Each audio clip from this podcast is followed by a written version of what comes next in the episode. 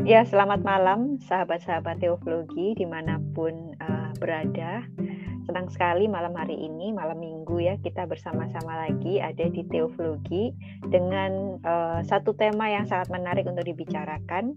Temanya adalah God is dead atau Tuhan sudah mati. Kita akan melihatnya pada malam hari ini dari perspektif filsafat dan teologi karena topik ini memang bisa dibicarakan baik dari sisi filsafat maupun dari sisi teologi. Uh, sebelumnya saya akan memperkenalkan terlebih dahulu teman-teman yang akan bergabung malam hari ini. Tapi sebelumnya saya akan memperkenalkan tamu spesial kita hari ini yang menjadi narasumber utama ya. Walaupun nanti Pak Fitz juga meminta kami dari teologi sharing-sharing juga ya mengenai topik ini. Uh, saya persilahkan uh, Bapak Dr. Fitzgerald Kennedy Sitorus yang adalah uh, alumni ya, S3 dari Gute ya Universitas Goethe di Frankfurt dan juga sekarang melayani sebagai dosen filsafat di uh, Universitas Pelita Harapan. Selamat malam Pak Fitz. Selamat malam Ibu Jessica. Selamat malam rekan-rekan ya. yang lain yang menonton acara ini. Baik, dan bersama-sama dengan kita Pak Fitz pada malam hari ini juga ada teman-teman yang lain. Yang pertama Saudara Adri, Adi Adi Nugroho ya yang ada di Kudus, alumni dari Duta Wacana Kemudian ada juga Mas Nindyo Sasongko yang ada di New York. Kemudian Adrianus Yosia di Washington DC. Kemudian Bapak Samuel Katianda, dosen STRI Jakarta. Dan juga Bung Elia Magang ya, yang ada di Manchester. Selamat malam teman-teman semua. Selamat ya, malam, senang yes. sekali. Satu lagi nih Selamat belum ya, malam. ya, Angga Avila yang ada di Tangerang ya seorang TAI ya, Teolog Awam Indonesia. Oke, pada malam hari ini kita akan memulai diskusi kita. Sebelumnya mungkin sebelum kita mulai ke diskusi yang seru-serunya ya, mungkin pendengar ini juga masih penasaran ya, sebenarnya apa sih maksud dari God is Dead ini? Mungkin Pak Fitzgerald memberikan pendahuluan sedikit, kira-kira God is Dead ini ada di dalam uh, sejarah pemikiran itu ada di mana, kemudian apa sih background dari perkataan God is dead ini? Mungkin kan orang-orang cuma tahu ini diucapkan oleh Friedrich Nietzsche begitu ya. Ya silakan Pak Fitz. Uh, terima kasih Bu Jessica uh, untuk rekan-rekan sekalian. Uh, selamat bertemu kembali pada acara yang menarik ini ya. Nah, uh, mengenai frase God is dead itu ya memang eh, frase yang sangat terkenal ya, baik dalam bidang filsafat maupun teologi ya, eh, juga pada sampai pada zaman kita sekarang ya. Eh, tadi Bu Jessica bertanya mengenai latar belakang atau posisi dari eh, gagasan ini dalam sejarah pemikiran atau filsafat itu atau teologi ya.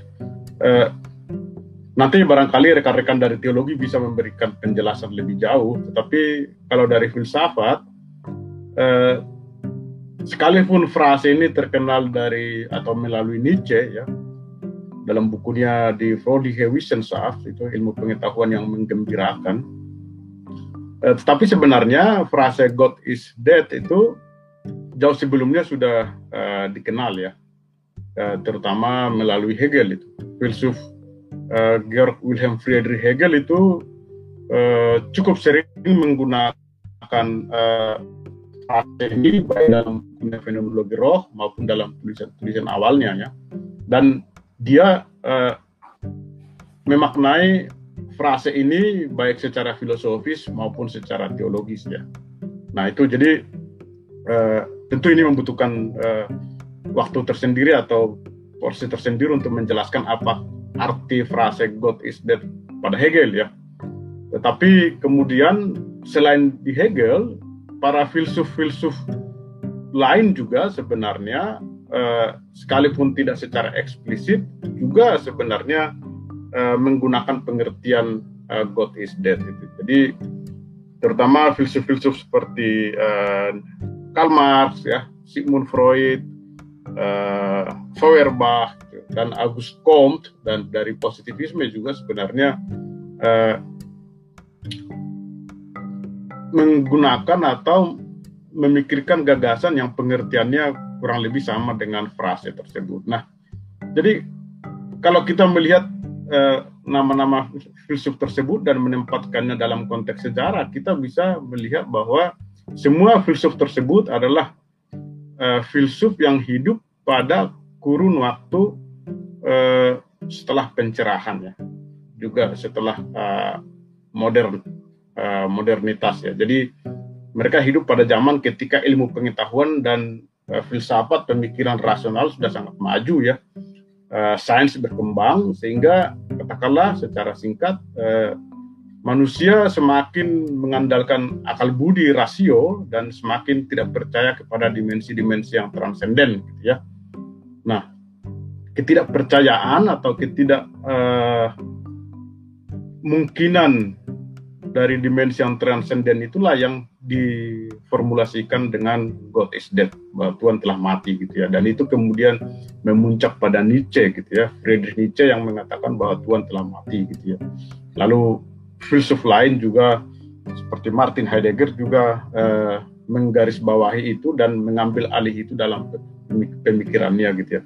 Oleh karena itu secara singkat bisa dikatakan bahwa pengertian God is dead itu sebenarnya bisa dimengerti sebagai uh, ketidakpercayaan manusia terhadap uh, dimensi-dimensi yang transenden itu sebenarnya kurang lebih pengertiannya. Jadi kehidupan ini semakin imanen ya, semakin uh, pada sains ilmu pengetahuan dan uh, yang dimensi yang transenden itu semakin tidak dipercaya.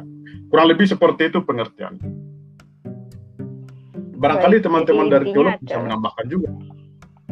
Iya, inti dari apa God is dead ini intinya dari dari filsafat adalah kehilangan yang uh, maksudnya kita menolak apa yang transenden dan lebih fokus kepada imanensi gitu ya Pak ya.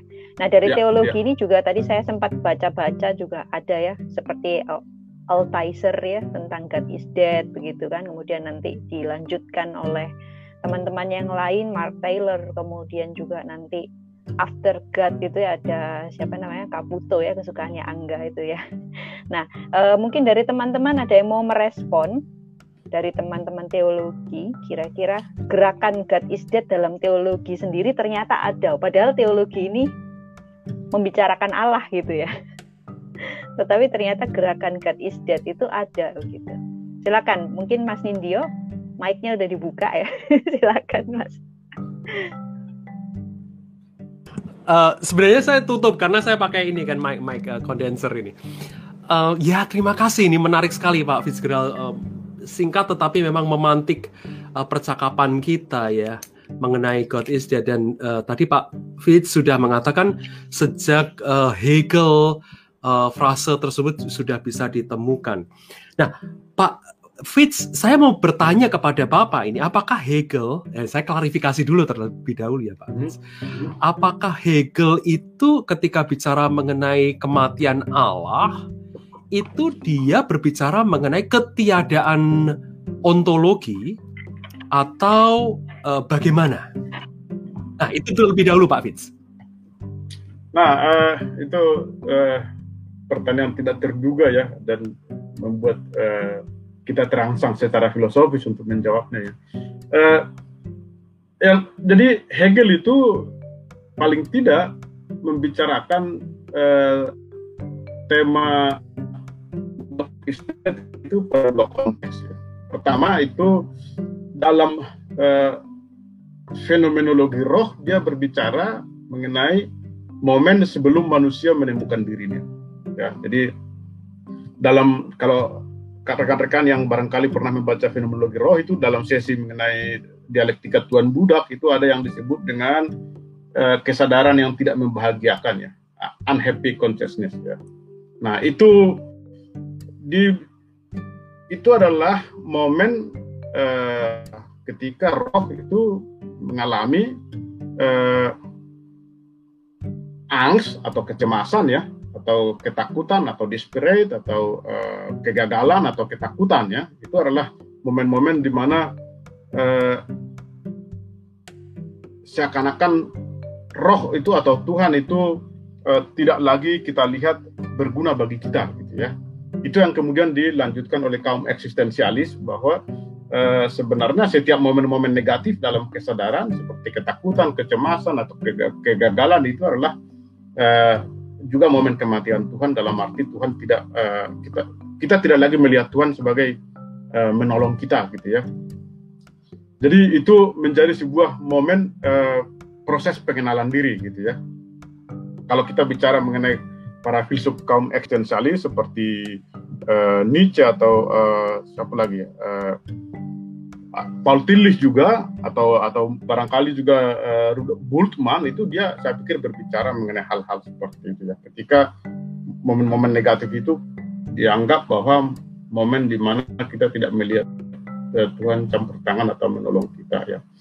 Yang kedua itu ketika dia berbicara pada tulisan awalnya uh, mengenai faith uh, iman dan faith and knowledge ya, iman dan pengetahuan ya. Jadi di situ dia berbicara mengenai uh, bagaimana penemuan diri juga berlangsung ketika jadi dia mengatakan seperti ini uh, momen Tuhan telah mati itu sama seperti uh, itu frase terkenal dari Hegel itu momen antara Good Friday dan Easter Sunday gitu ya jadi uh, hari Jumat Agung sampai hari kebangkitan gitu ya. Eh ya kebangkitan ya. Jadi itu adalah momen ketika murid-murid pertama itu mengalami keputusasaan ya. Karena ketakutannya Tuhan itu telah mati rupanya ketika dia disalib ya. Uh, sampai kemudian ketika dia bangkit kembali lalu muncul di situ mereka menemukan rasa percaya diri gitu ya. momen tiga hari itu adalah momen-momen yang sangat menakutkan. Itu juga momen-momen eksistensial ya.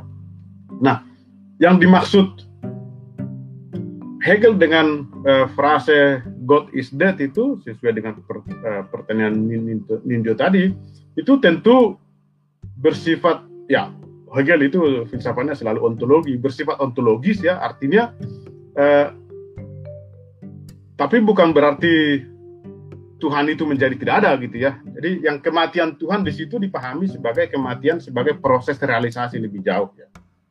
Hegel sendiri mengatakan Tuhan yang abstrak, yang yang yang konseptual yaitu Tuhan pada dirinya sendiri itu juga me menyangkal dirinya, menegasi dirinya itu juga kematian ya. Lalu dia menjadi dalam diri Yesus Kristus gitu ya. Itu juga kematian. Kematian uh, artinya dia berubah, dia menyangkal dirinya. Tetapi Yesus Kristus juga mati kemudian itu menjadi puncak dari finitude of man gitu ya. Jadi keterbatasan manusia lalu dia menjadi Roh Kudus gitu ya. Lalu itu juga bisa ditafsirkan kembali apa artinya Roh Kudus itu sehingga apakah dengan itu Tuhan itu juga uh, ada di dunia ini sekaligus tidak ada di dunia ini gitu ya. Karena dia telah uh, menjadi katakanlah Roh Kudus gitu ya. Jadi itu berdimensi ontologis sebenarnya. Gitu ya. Karena yang terjadi di situ adalah uh, Tuhan atau Roh sebagai uh, sumber atau uh, asal usul dari segala pengada itu menemukan proses-proses uh, dirinya baik dalam proses historis maupun dalam proses-proses psikologis gitu ya. Hegel sendiri mengatakan bahwa sejarah itu adalah gol golgota dari roh gitu ya. Jadi dalam sejarah itu sebenarnya roh mengalami uh, ya perjalanan sejarah ini termasuk perjalanan kesadaran diri termasuk dalam bagaimana uh, dalam diri Yesus Kristus yang tidak notabene adalah hasil dari realisasi diri atau penyangkalan diri Allah juga itu juga semua itu adalah Golgota dari roh tempat penderitaan gitu ya di mana roh itu mati gitu ya. Di mana dan itu tidak lain dari Allah itu mati gitu ya. Tetapi sebagaimana sistem dialektika Hegel dia juga kemudian tetap pada akhirnya di sana ada yang positif pada uh, akhirnya ya. Jadi negasi atau negativitas itu hanya hanyalah salah satu momen untuk mencapai yang positif. Kira-kira seperti itu dia. Jadi dia bisa ditafsirkan secara teologis pada Hegel, secara historis juga pada pada dia atau secara filosofis juga bisa. Pada Hegel itu kan uh, berpilin-pilin semua gitu ya, uh, dimensi-dimensi teologis, ontologis, filosofis itu. Aku boleh nanya nggak komen? Aku nggak tahu yang nanya mungkin ke Pak Fritz teman-teman juga kebetulan tadi aku lagi nunggu orang jadi aku baca ya, iseng lagi coba baca ini Living the Death of God-nya Althusser tapi baru baca depan banget. Uh, pembacaanku berarti Althusser itu Hegelian banget ya karena aku yang aku tangkap ya aku kan baru baca uh, forwardnya dari Taylor dia ngelihatnya juga God is Dead itu puncaknya di modernitas tetapi kan dia melihatnya kayak ada satu per, perjalanan zaman ya. Nah aku kan belum pernah baca Althusser tapi apakah berarti tadi Pak Fitzgerald kan bahas bahwa ya kematian itu di Hegel kan ada negativitas tapi nanti ada dialektika ke positivitas apakah berarti contohnya kayak di kasusnya si Althusser kematian ini eh, ya Allah mati tetapi nanti ada aku kan belum baca nih apakah tapi nanti di situ dia ada satu proses kebangkitan eskatologis ke arah situ? Aku juga kira-kira gimana menurut teman-teman kayak ini adalah fase yang harus dilalui gitu. Ya, dari saya Hegel sendiri memang seperti itu gagasannya Angga ya. Jadi eh, kematian itu bukan tidak ber, pernah berhenti pada kematian gitu ya kematian itu katakanlah menjadi awal dari kehidupan yang baru kira-kira seperti itu. Karena roh mengalami transformasi menjadi roh kudus gitu ya, Holy Spirit gitu ya. Kira-kira seperti itu dari sudut uh, yang saya pahami dari sudut pandang Hegel. Mungkin rekan-rekan lain menambahkan. Bo boleh saya menambahkan? Saya oh ya silakan. Silakan, silakan. Bujes, bujes, bujes. Yang belum ngomong, oh. monggo Bujes saya udah ngomong dari tadi soalnya moderator sebenarnya nggak usah ngomong gitu ya tapi kalau Altizer itu kalau apa namanya yang saya tahu tuh dia ini justru kayak Dead of God kan dia mempopulerkan apa Dead of God itu ya cuman dia lebih kepada ini ya uh, transenden menolak transendensi kemudian menerima imanensi dalam kenosis gitu. Nah jadi ketika apa namanya Kristus berinkarnasi itulah itu momen death of God itu seperti itu. Ya itu kalau salah bisa di dibenarkan lagi oleh teman-teman yang lain ya. Tapi kan nanti Altaisernya juga bakalan di apa namanya lebih lebih di apa namanya sempurnain lagi sama Taylor terus habis itu nanti Caputo gitu kan akhirnya gitu. Ya silakan Mas Nindyo tadi. Wah, terima kasih untuk tambahan Bu Jess ini uh, menarik sekali. Dan saya mau kasih kasih uh, latar belakangnya juga uh, ke Bung Angga ya dan juga teman-teman semua. Setahu saya ini memang uh, God is Dead itu kan muncul itu tahun 66 kalau nggak salah bulan April di majalah Time. Itu ada teman-teman bisa Google Time uh, uh, 166 966 begitu muncul itu uh, covernya itu hitam, terus kemudian tulisannya merah God is dead dan memang itu uh, addressing masalah yang diangkat oleh uh, Thomas J.J. Altizer pada waktu itu dia dosen di Emory University uh, di Departemen Religious Studies-nya dan memang membuat uh, mengagetkan banyak orang karena dia bersama dengan Hamilton siapa lupa saya namanya yang depan itu uh, menggemakan kan mengenai masalah ke kematian Allah. Dan betul yang dikatakan tadi uh, bahwa Altizer di satu sisi dia Hegelian dia Hegelian karena dia melihat uh,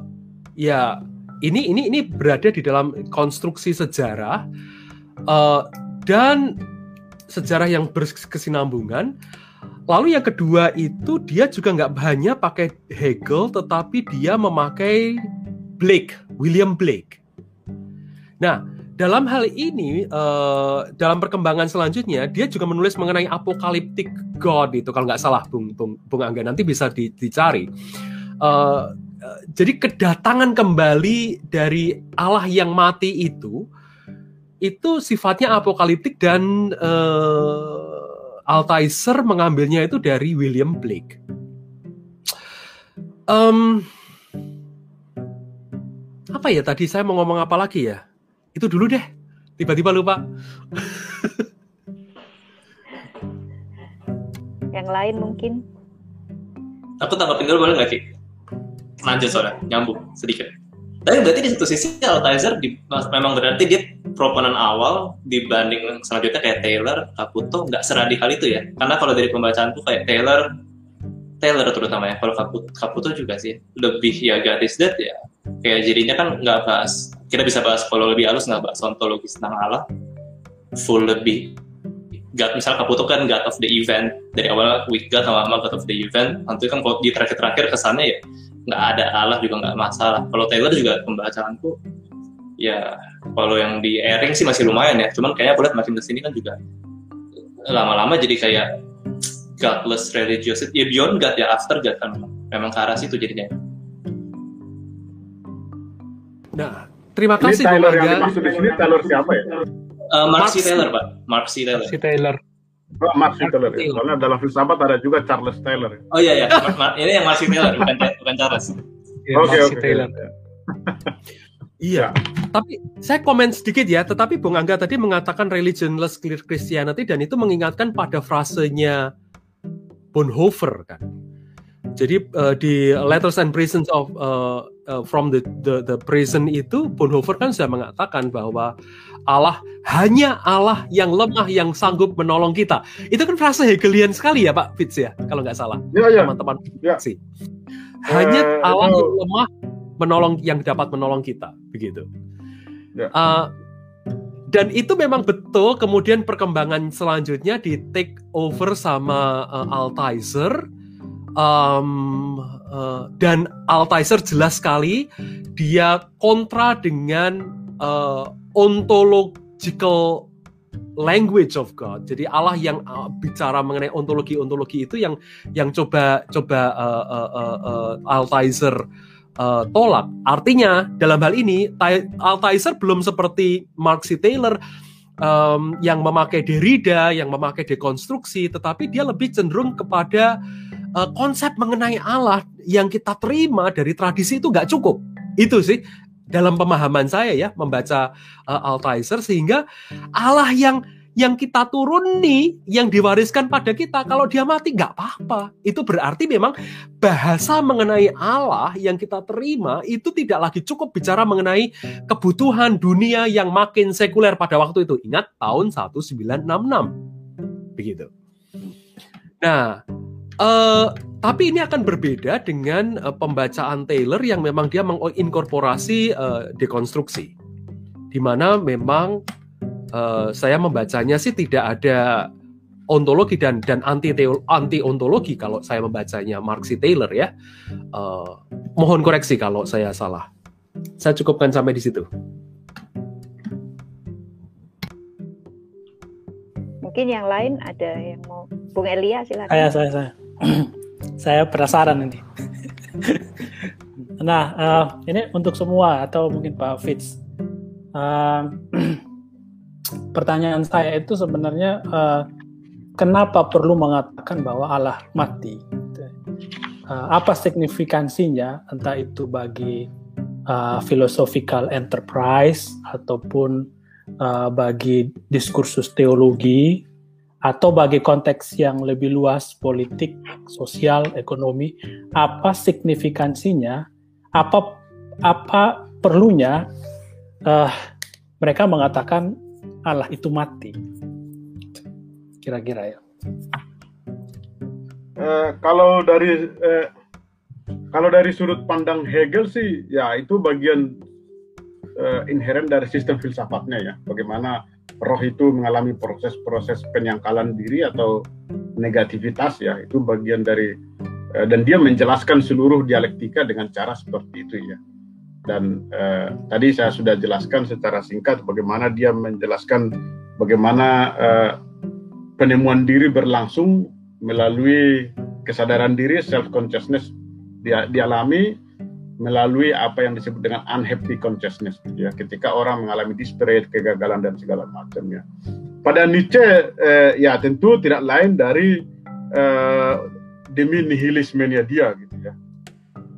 Jadi Nietzsche mengatakan itu kan bahwa Tuhan telah mati gitu ya. Jadi kalau Tuhan kalau Tuhan sudah mati maka tidak ada lagi eh, acuan atau norm atau nilai yang menjadi acuan ya dan manusia tidak perlu lagi eh, merasa harus eh, diperintah atau diawasi oleh Tuhan dari atas dan dengan demikian manusia bebas me merealisasikan dirinya sendiri gitu ya. Jadi eh, frase kematian Tuhan itu adalah sebuah bentuk nihilisme gitu ya. Dan dengan demikian itu juga menurut Nietzsche proses uh, penemuan diri manusia gitu ya kalau jadi katakanlah kalau Tuhan tidak ada maka kita bisa menjadi diri sendiri gitu ya. Dan tipe manusia yang ideal ketika tidak ada lagi nilai tertinggi yang menjadi acuan itu ya itu yang Ubermensch itu ya. Jadi kalau Tuhan mati maka kita bisa menjadi berusaha menjadi Ubermensch gitu ya. Manusia yang melampaui gitu ya. Jadi eh, makanya yang dimaksud Nietzsche dengan frase God is dead itu sebenarnya adalah bukan Tuhan in in itself yang mati, melainkan uh, ide atau kepercayaan kita kepada Tuhan yang mati gitu ya, atau iman kita uh, kepada Tuhan itu yang mati gitu ya. Saya pikir Nietzsche tidak akan percaya bahwa Tuhan mati pada dirinya sendiri karena menurut dia itu nonsens ya, karena dia kan tidak percaya ada Tuhan gitu ya.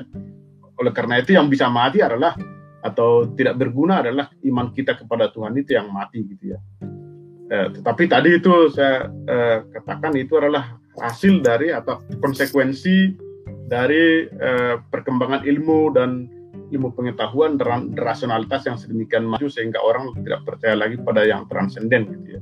Nah, pada Heidegger tentu lain lagi gitu ya.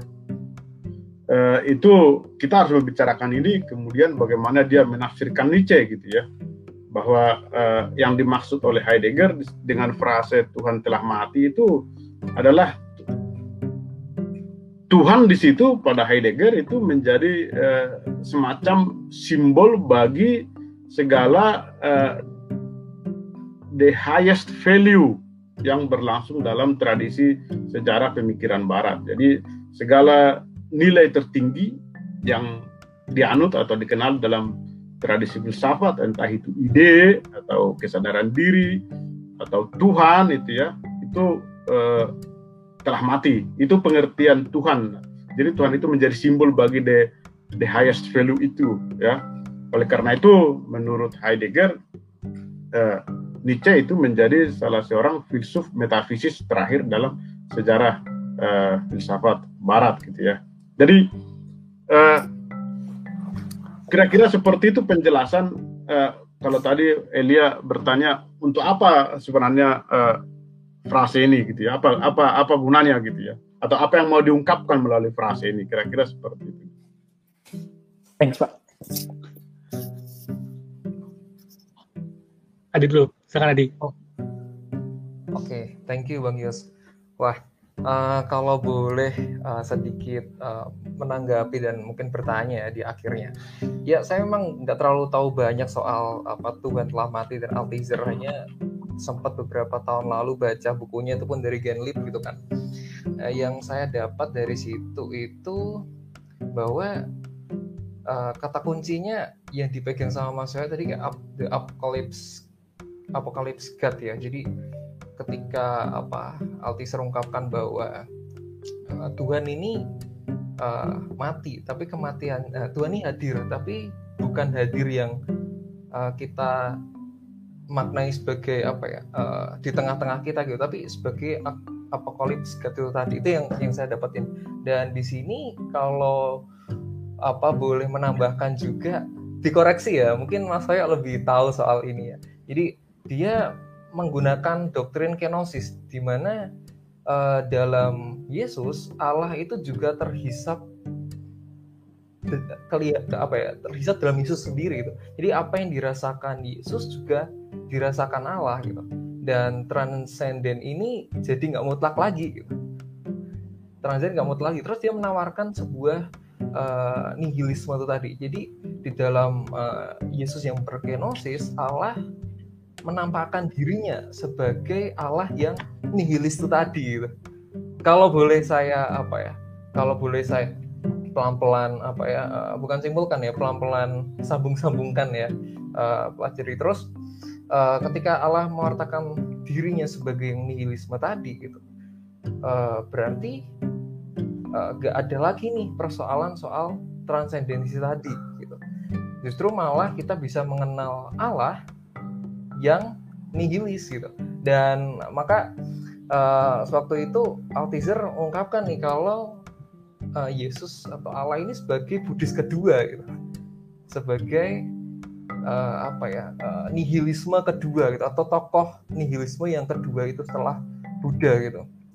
Dan kalau boleh juga uh, saya teringat salah satu uh, teolog yang menunjukkan diri ke politik eh bukan bukan. Teolog yang namanya bersama kayak politik ya Jenny Fatimo kalau nggak salah. Dia uh, dia apa ya uh, juga menulis mengenai ini gitu di catatan kakinya itu kalau ketika Allah berkenosis dia uh, mengungkapkan semua kelemahannya gitu. Melemahkan kelemahannya dalam diri Yesus tuh. Dan di situlah nihilisme bekerja.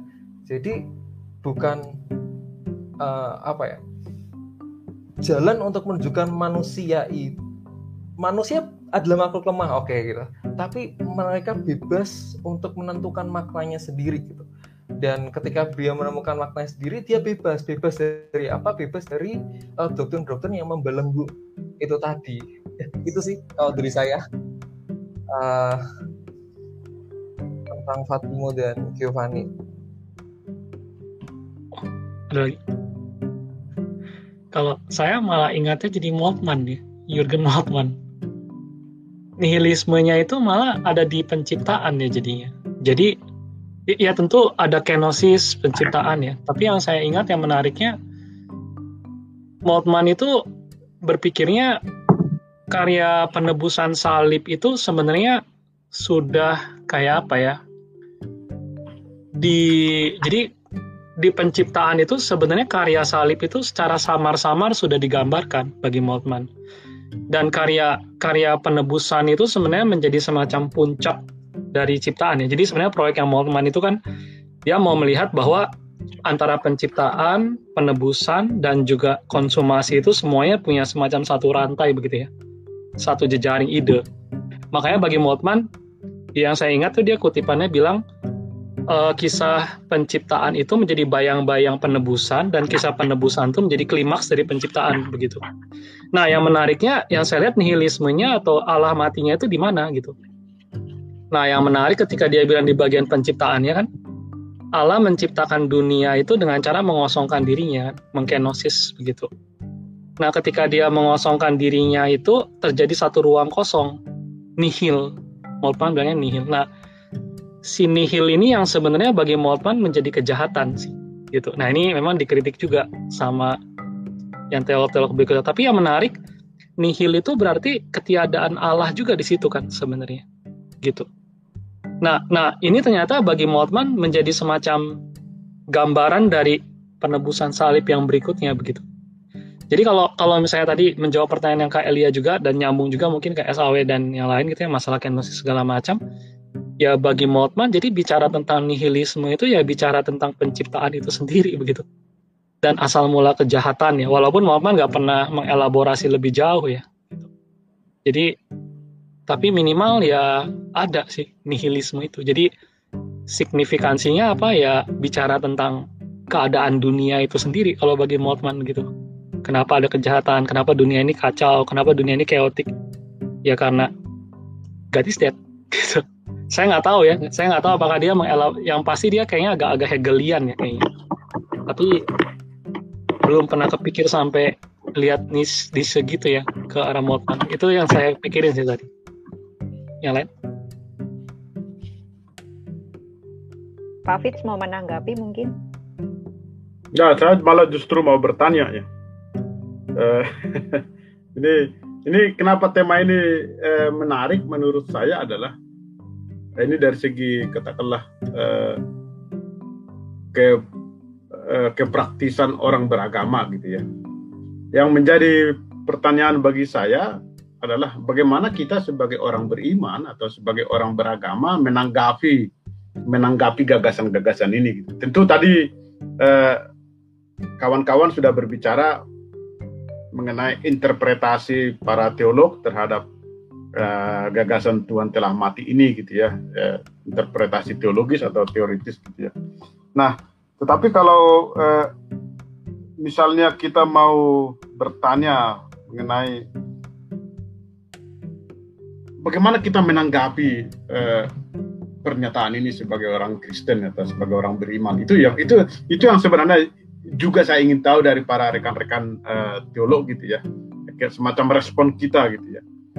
Bagaimana kita bisa tetap uh, bisa beriman di tengah-tengah katakanlah uh, pernyataan banyak orang atau bahkan juga keyakinan banyak orang bahwa Tuhan telah mati gitu ya. Bagaimana kita bisa beriman di tengah-tengah zaman yang seperti itu gitu ya. Itu saya pikir tantangan bagi kita orang Kristen atau orang beriman. Nah itu pertanyaan saya. uh, mungkin kalau dari pembacaanku ya terhadap aku sih malah suka ya dengan frasa God is dead ya. Menurutku itu frasa yang bagus untuk uh, maksudnya perlu orang Kristen berterima kasih gitu sama filsuf-filsuf yang ngomong begitu.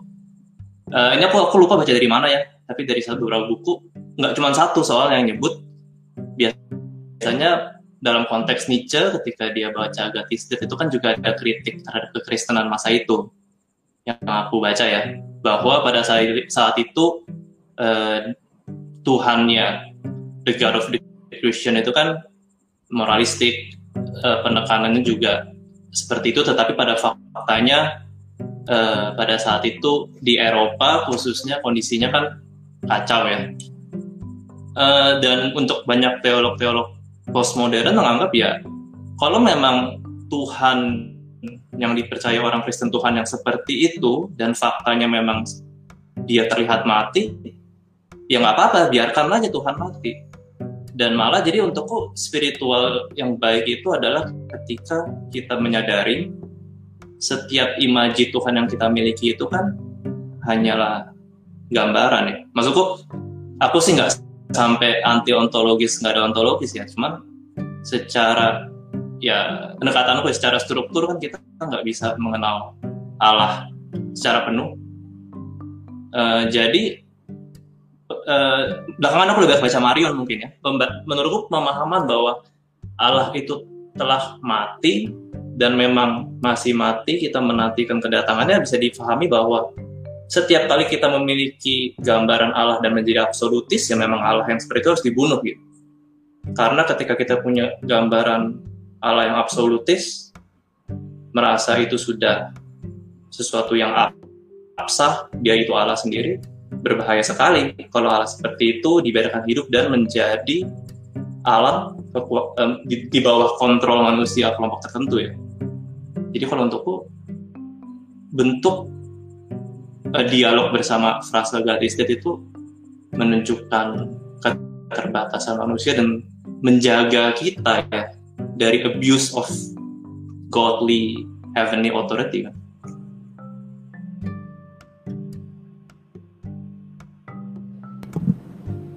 saya boleh nyambung hmm. boleh nggak?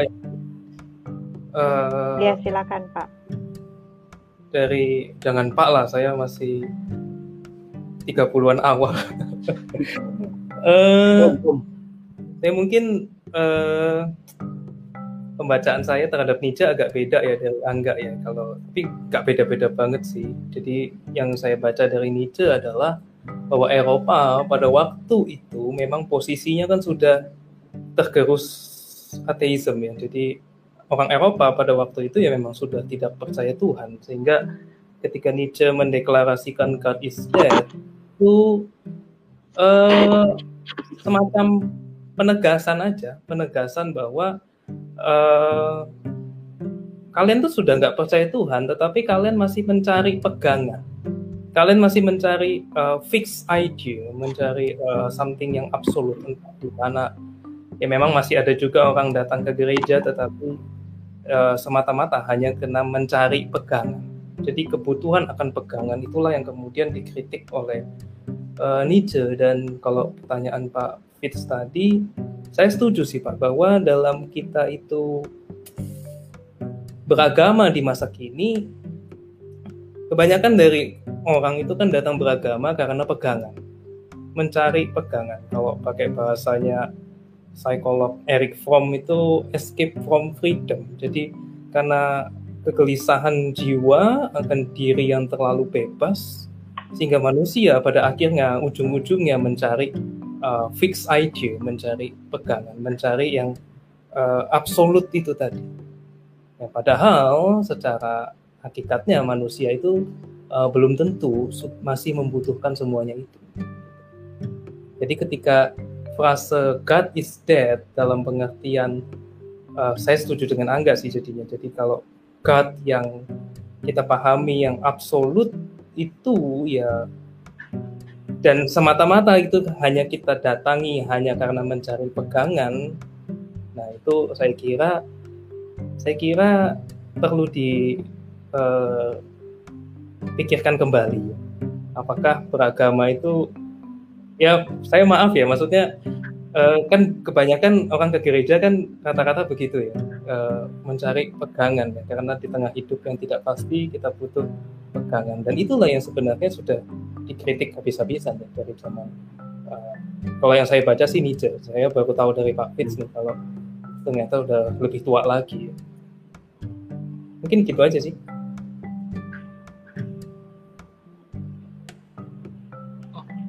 Saya lanjut lanjut oh Jess kamu dulu Jess.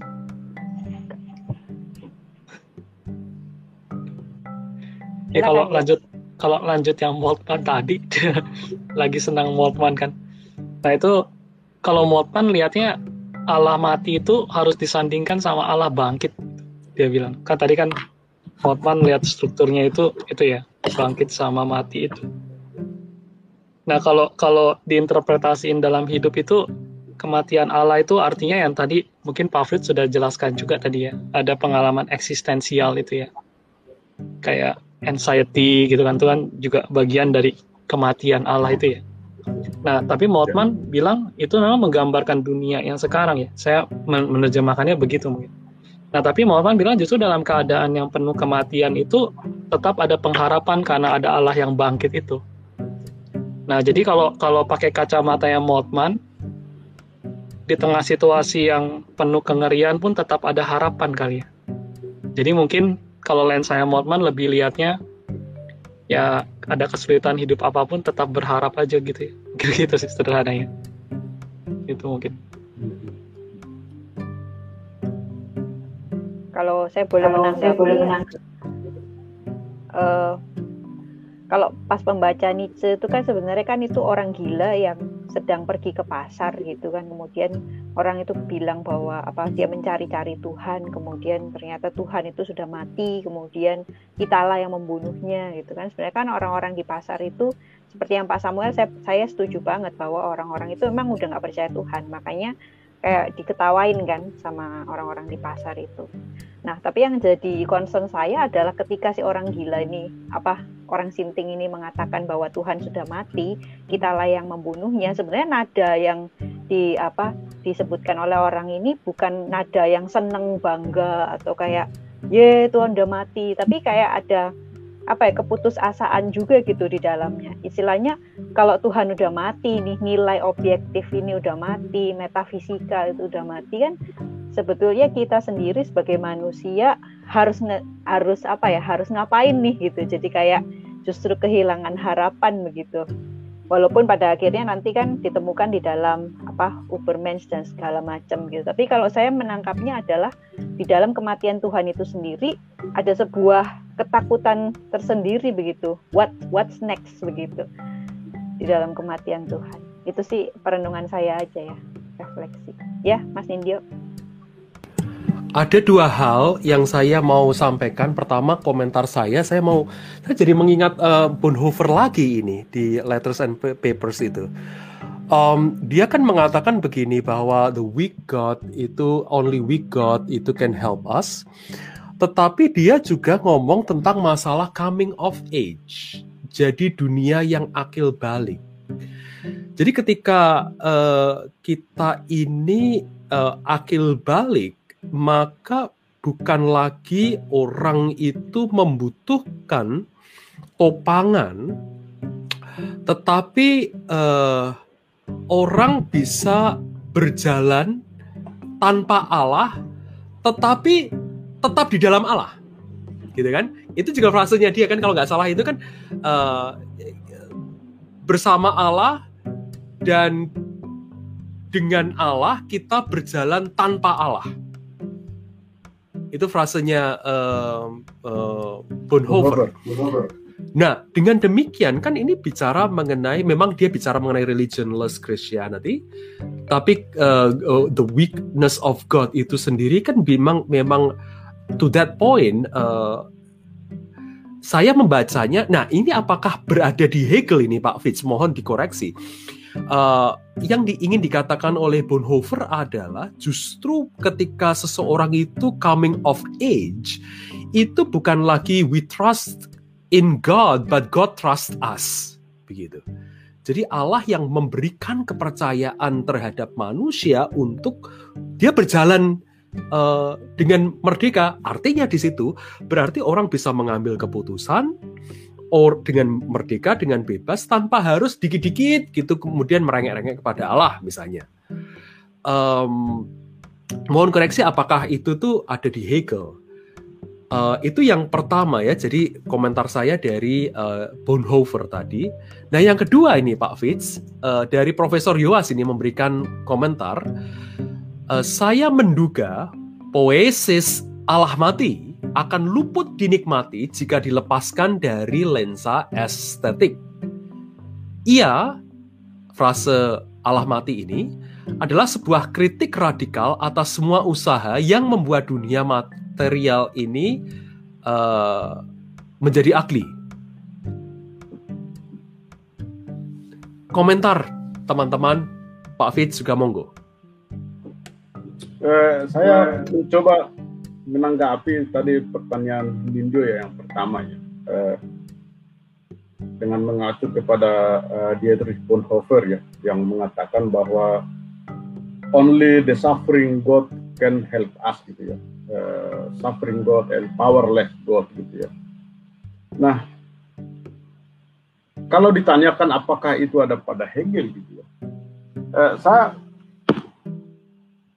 uh, akan berkomentar seperti ini. Uh, memang umumnya kita beranggapan bahwa uh, kalau kita bersama Tuhan maka semuanya akan baik-baik gitu ya.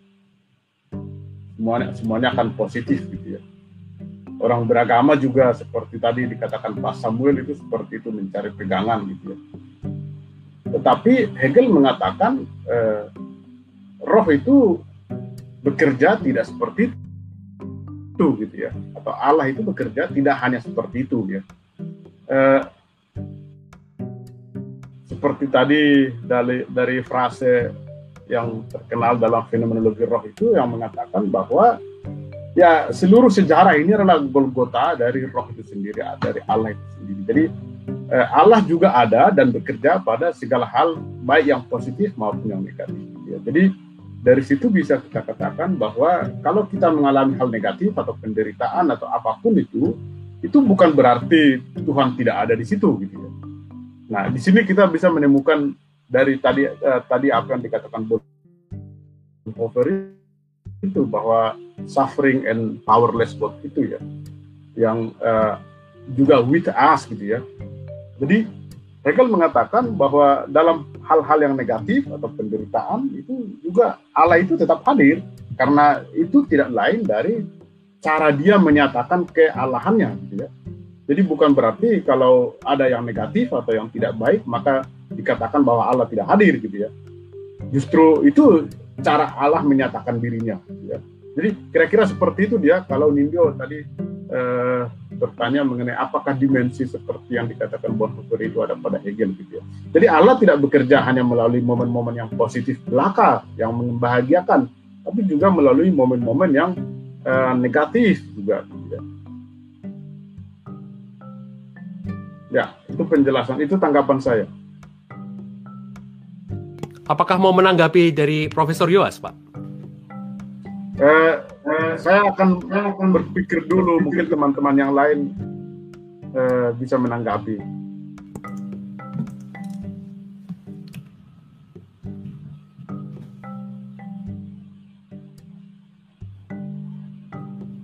Ya silakan teman-teman ada yang mau menanggapi. Tadi pertanyaannya apa ya? yang Pak uh, Profesor Joas itu.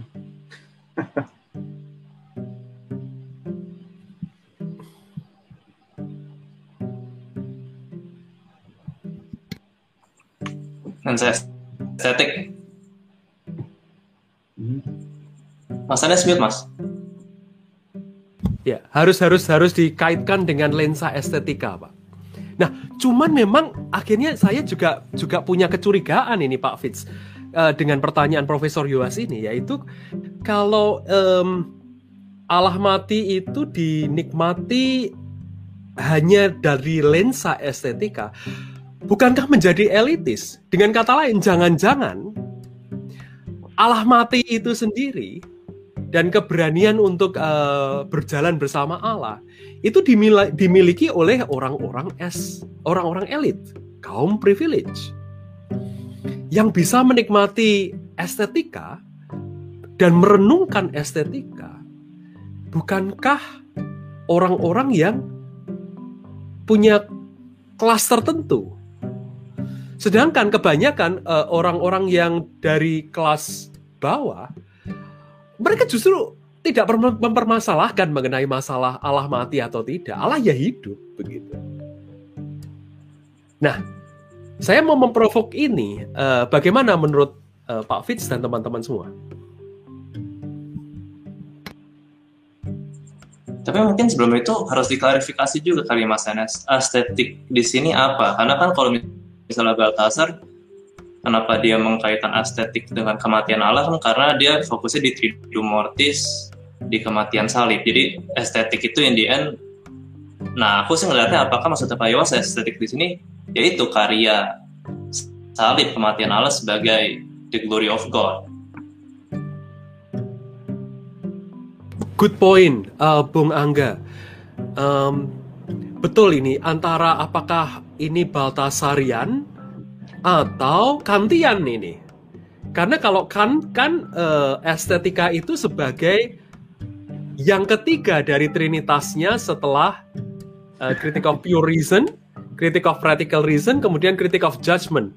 Yang di dalamnya uh, estetika itu justru merangkul keduanya kan seperti apa memeluk uh, reason dengan dengan uh, etika itu. Nah, bukankah kalau kantian ini lensanya ini lebih elitis sekali? mohon koreksi Pak uh, uh, Fitz karena ini saya sok tahu ini di sini. atau atau mungkin eh sorry. Eh, silakan silakan. Sorry, mungkin penerjemahannya ini kali kalau atau mungkin cara melihatnya mungkin kalau alamati itu mungkin ini ya.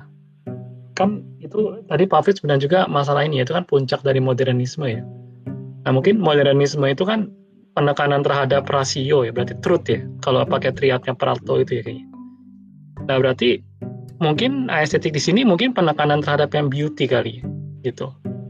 Mungkin lebih ke arah situ nggak? Jadi maksudnya kalau penekanan uh, katakanlah berteologi atau berfilsafat terlalu menekankan kepada kebenarannya, truthnya, tanpa melihat sisi estetiknya mungkin Allah mati ini menjadi sesuatu yang nggak bisa dinikmati. Mungkin di situ kali ya. Kalau penerjemahan mungkin nggak begitu. Jadi mungkin estetiknya dalam arti yang truth, beauty, and goodness itu kali. Enggak, ini cuman ya klarifikasi begitu sih. Jadi apa teologi, maksudnya begitu ya? Dalam teologi juga kan ada, saya pikir cukup sentral juga gagasan antara uh, hubungan antara keindahan dan Allah ya. Hmm. Saya uh, tidak bisa berkomentar lebih jauh karena saya kurang dapat menangkap arah pertanyaan ini sebenarnya. Hmm. Ya kita kita hanya bisa menginterpretasikan ya. Seperti tadi dibilang Nindyo mengenai hubungan antara uh, uh, ketiga kritik Immanuel Kant itu bahwa uh, kritik of judgment mengenai filsafat keindahan sebagai yang menyatukan antara kritik of pure reason dan kritik of practical reason itu ya oke okay. tapi uh, pertanyaan itu sebenarnya arahnya ke mana dan estetik yang dimaksud di situ seperti tadi dikatakan Angga juga mungkin eh, kurang begitu eksplisit ya. Iya. Kalau kalau saya boleh menanggapi kan kalau yang tadi Mas Nindyo bilang estetis itu kan apa tahapnya untuk apa estetik di sini untuk elitis begitu ya. Tapi kan kalau kita lihat justru frasa God is dead itu digunakan oleh teolog-teolog yang justru ingin apa ya ingin sebuah keadilan gitu. Justru dari bawah gitu mainnya kan. Seperti contohnya kayak Kaputo gitu kan. Jadi memang kalau kalau saya setuju dengan Bung Indio kalau memang maksudnya estetika ini adalah tahap bagi hanya orang-orang yang menikmati secara estetis sih harusnya enggak ya. Soalnya saya juga kalau ngelihat dari sisi teodisi kan juga sama kan problem of evil itu kan sebenarnya juga apa me, apa mempelopori adanya yang God is dead ini kan. Istilahnya kita sudah nggak usah pakai klasikal teodisi lagi tetapi kita memakai yang namanya ayo manusia sekarang. Sekarang waktunya manusia yang bangkit begitu. Seperti kayak Fatimo kan dia bilang uh, charity itu replace the truth seperti itu kan. Jadi sih menurut saya God is dead justru dimulai dari bawah bukan dari kaum kaum elitis.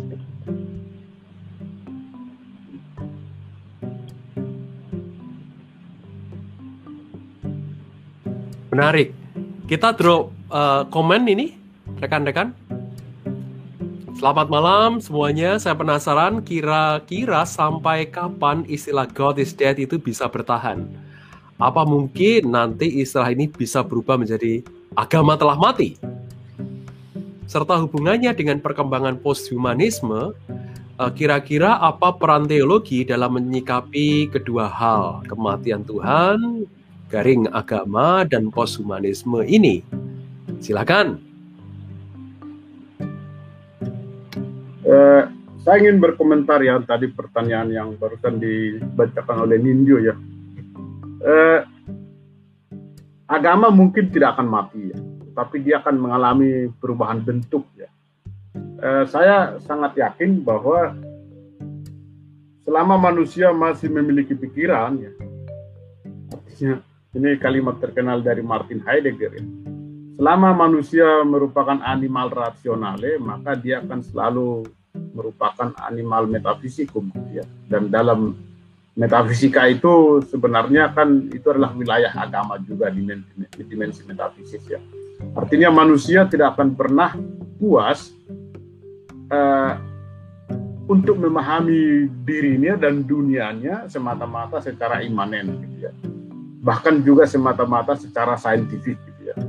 Manusia tidak akan pernah berhenti bertanya lebih jauh mengenai makna hidup ya, tujuan hidup, apa arti eh, keberadaan dia dan pertanyaan-pertanyaan eksistensial lainnya dan itu hanya bisa itu hanya bisa dijawab secara memuaskan kalau kita menjalankan pemikiran yang spekulatif gitu ya. itu tidak akan memuaskan kalau dijawab hanya semata-mata berdasarkan saintifik atau lalu jatuh kepada naturalisme gitu ya.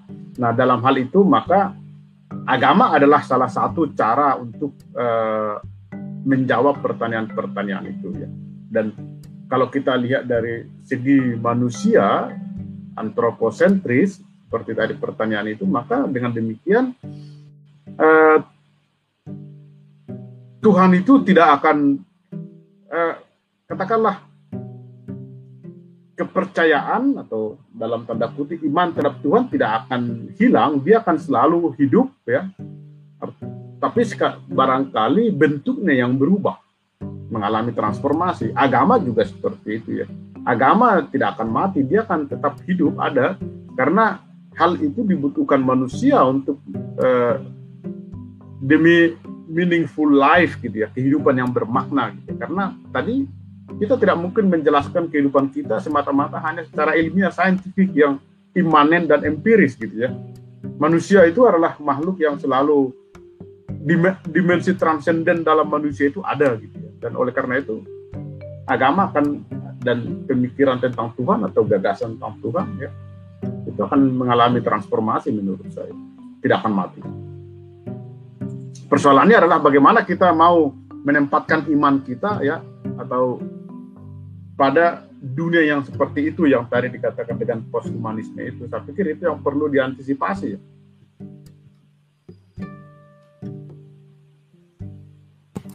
Saya mau memprovokasi Pak uh, Fitz dengan pernyataan ya, itu ya. yaitu um, mengapa agama yang berevolusi jangan-jangan atau tidakkah sebaiknya walaupun dikatakan sukar tapi pada akhirnya nanti agama memang harus pupus.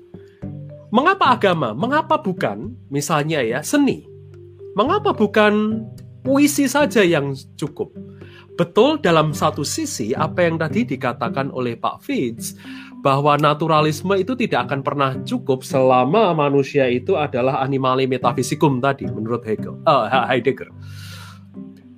Di sisi yang lain saya mengingat juga apa yang dikatakan oleh Václav Havel, Pak.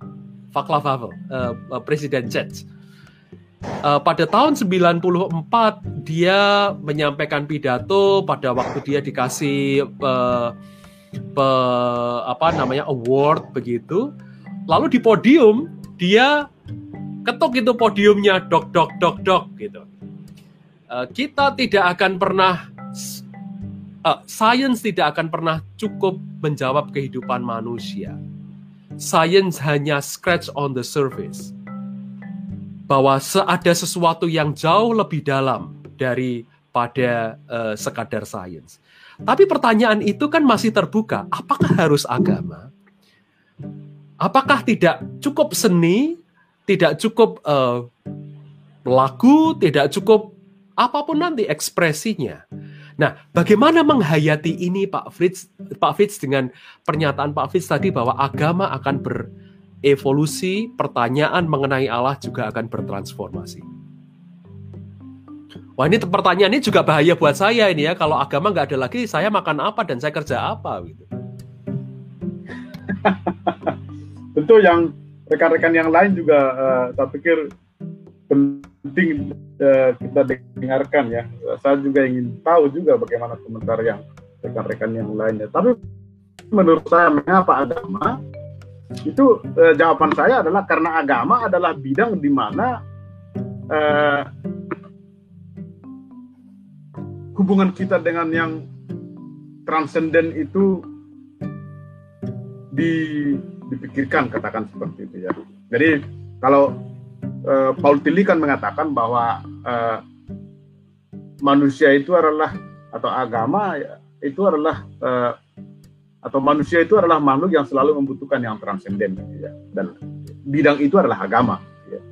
jadi itu pertanyaan mengapa agama karena ya itu tadi manusia itu uh, dengan pemikirannya ya dia tidak akan uh, akan tidak akan berhenti bertanya ya dan katakanlah fenomena Tuhan muncul di situ ya itu penjelasan uh, rasionalnya kalau kita menjelaskan secara antropologis juga ya bahwa sejarah agama atau sejarah uh, atau fenomena kemunculan yang transenden pada manusia itu telah setua sama tuanya dengan umat manusia itu sendiri gitu ya. Oleh karena itu uh, ya itu mungkin keyakinan yang uh, uh, sangat optimis bahwa uh, selama manusia uh, masih merupakan seperti kita sekarang ya Homo sapiens yang berpikir maka dia akan selalu uh, membutuhkan Tuhan ya dan juga dan Tuhan uh, wilayah di mana Tuhan itu di, di diurusi gitu ya itu yang disebut agama memang tentu saja uh, seni dan puisi juga merupakan ekspresi-ekspresi eh, antropologis ya, tetapi eh, tentu dia juga berevolusi gitu ya.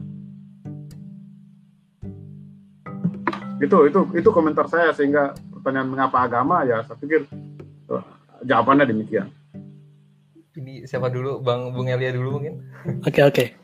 Saya saya uh, lanjutkan yang Pak Fitz bilang uh, bahwa uh, selain manusia itu adalah makhluk yang uh, yang punya dimensi metafisik itu yang saya lihat itu uh, dimensi itu terpelihara, dimensi itu terawat gitu, terkonservasi dengan baik. Nah, saya lihat ini dari bidang saya ini, ekoteologi ini ya. Nah, uh, belakangan ini kan uh, peran agama dalam upaya-upaya uh, konservasi alam itu kan menjadi sangat penting bagi uh, para ilmuwan.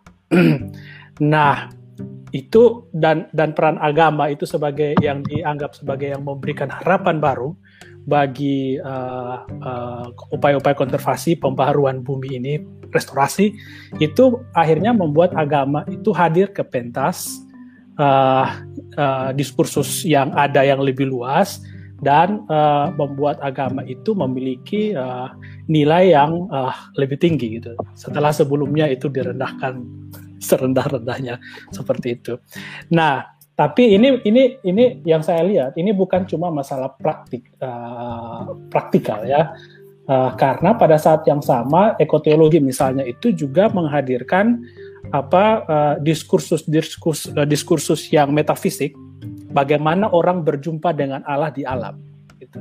Jadi misalnya dalam kekristenan kekristenan itu bukan lagi uh, uh, uh, sebatas apa apa dia dipakai dalam uh, uh, sebagai uh, alat untuk konservasi gitu uh, tapi juga uh, ekoteologi itu membuat kekristenan orang-orang Kristen itu bisa berjumpa dengan Allah dalam setiap upaya konservasi gitu. Sehingga uh, yang metafisik itu tetap terawat gitu jadi uh, uh, kekristenan yang ekologis gitu misalnya ya. Kekristenan yang animistik gitu. Yang uh, uh, membuat orang-orang uh, yang tadinya melihat bahwa agama itu atau kekristenan itu sebagai yang menyebabkan terjadinya krisis ekologi sekarang malah berbalik bahwa kekristenan itu justru mendukung upaya-upaya restorasi gitu restorasi uh, alam. Dan itu bukan hanya sebatas untuk dalam, dalam kepentingan antroposentrik ya bukan sebatas kepentingan uh, uh, praktikal saja gitu, tapi itu adalah suatu perjumpaan dengan Allah. Nah itu uh, di ekoteologi itu kan bermainnya di situ, sehingga saya lihat justru misalnya ekoteologi ini dia dia mengkonservasi dunia metafisik itu ke dalam uh, apa yang menjadi isu besar sekarang, misalnya climate change seperti itu. Gitu. Jadi uh, menurut saya sih tetap uh, tidak akan mati lah agama ini. Yeah kecuali misalnya kalau dari perspektif ekologis kecuali dia tetap menjadi agama yang tidak percaya kepada misalnya apa Injil konservatif di Amerika itu tempatnya Yosia sama Bung Indio itu mungkin itu akan mati lah itu itu sebaiknya mati sajalah gitu. Terima kasih. Iya.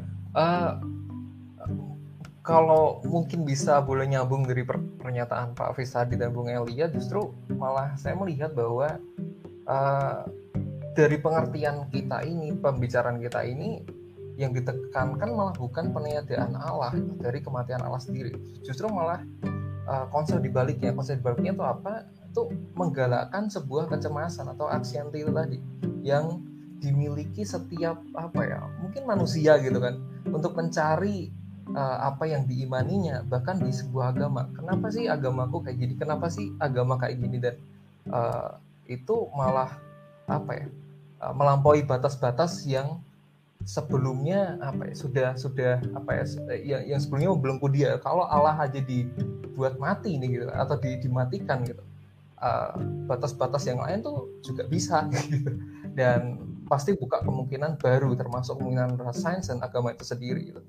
Termasuk kemungkinan uh, agama yang animis atau yang tidak bercara antropologis itu itu pendapat saya sih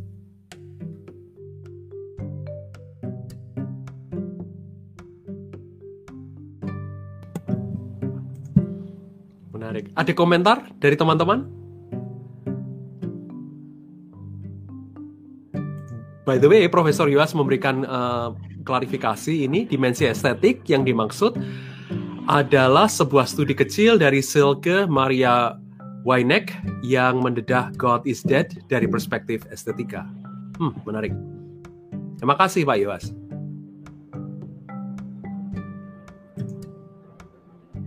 Bung Samuel mungkin mau berkomentar.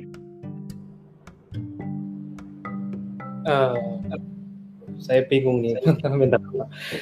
Uh, mungkin iya agama tidak akan pernah mati ya selama uh, manusia itu masih membutuhkan tadi itu yang saya singgung ya pegangan. Dulu kan apa ya Francis Fukuyama ya yang memprediksi bahwa uh, di abad 21 ya memang akan kita akan liberal sekuler. Seluruh dunia akan liberal sekuler karena demokrasi dan juga karena perkembangan uh, sains dan sebagainya.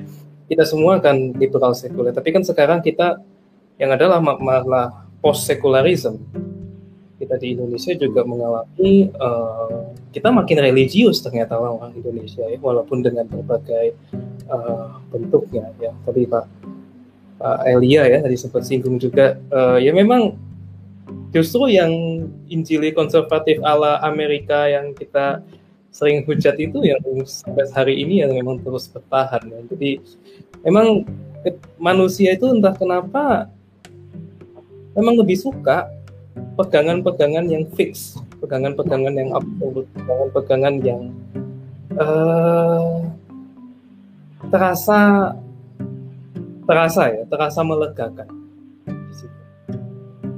padahal dia uh, kritiknya terhadap cara beragama yang seperti itu ya uh, Allah itu sudah mati. Allah itu sudah mati karena uh, justru kita itu yang mematikan Tuhan. Justru kita itu yang membuat Tuhan uh, sesuai dengan keinginan kita. Ini kok kata-kata saya terasa injili ya, maaf ya, tapi ya. apa apa saya. tapi eh, saya ada saya ada komentar satu kepada pernyataan Pak Samuel ya tadi atau hmm. Bung Samuel ya tadi tadi dia protes karena disebut Pak gitu ya kalau eh, agama atau Tuhan itu dianggap sebagai pegangan ya eh, ide fix gitu ya maka eh, itu problematis gitu ya. Artinya gini eh, dalam sejarah itu eh, pegangan itu Tuhan hanyalah salah satu pegangan gitu ya. Orang bisa berpegang pada tradisi ya pada sains gitu ya ada saintologi gitu, agama saintologi gitu ya.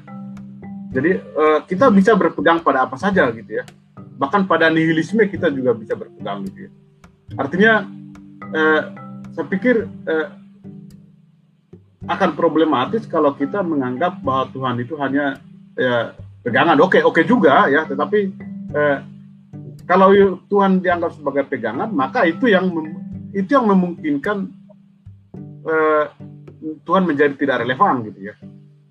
Karena kita bisa mencari pegangan-pegangan lain. Sekarang orang berpegang pada ide fix sains misalnya, orang lebih percaya kepada sains ya, atau kepada tradisi atau kepada uh, pimpinan kelompok gitu ya, yang lebih yang yang seperti dianggap Tuhan gitu. Ada kelompok-kelompok tertentu yang seperti itu ya.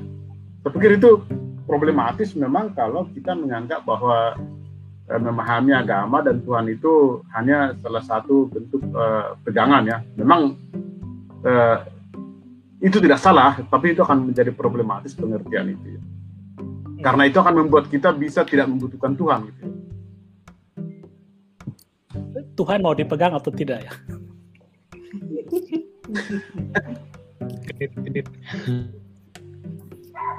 ya kalau saya Gaya tangan Tuhan yang pegang, Bu.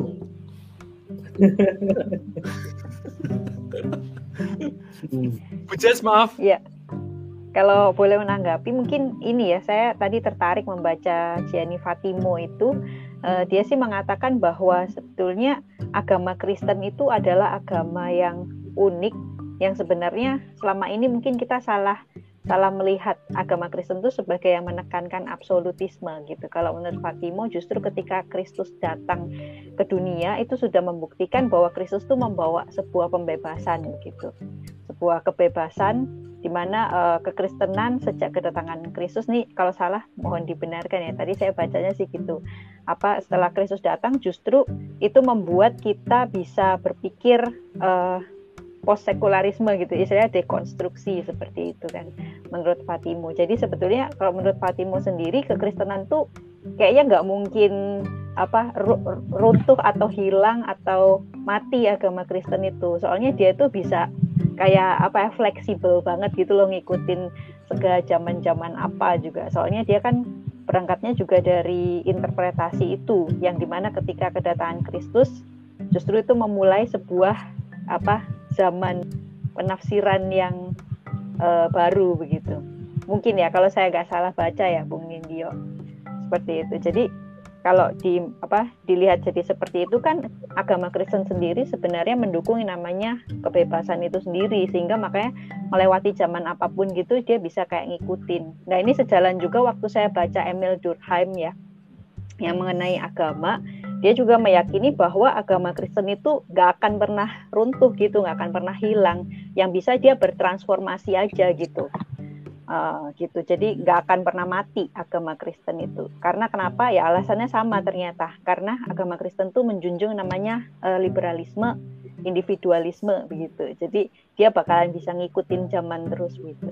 Gimana tanggapan teman-teman? Apakah setuju gitu dengan pandangan tersebut? Saya justru ada pertanyaan ya. Jadi tadi pertanyaan pertama yang kita jawab itu dari saudara Christian ya, apakah agama akan mati gitu ya. Lalu tadi uraian Ibu Jessica gitu ya. Mungkin yang menarik adalah agama seperti apa yang mungkin akan mati gitu ya. Atau agama mana yang akan mati gitu. Jadi katakanlah agama yang tidak ya saya sendiri eh, tidak bisa memberikan jawaban, tapi mungkin agama yang tidak mampu beradaptasi dengan tuntutan uh, kebutuhan manusia, maka dia akan mati ya. Saya nggak tahu apakah dalam sejarah ada pernah agama yang ada agama yang dulu ada tapi kemudian mati gitu ya. Mungkin itu itu hal yang menarik juga gitu. Jadi agama seperti apa yang akan mati dan agama seperti apa yang akan hidup gitu ya. Atau Tuhan yang dipahami seperti apa yang mati dan Tuhan seperti apa yang tetap hidup gitu ya.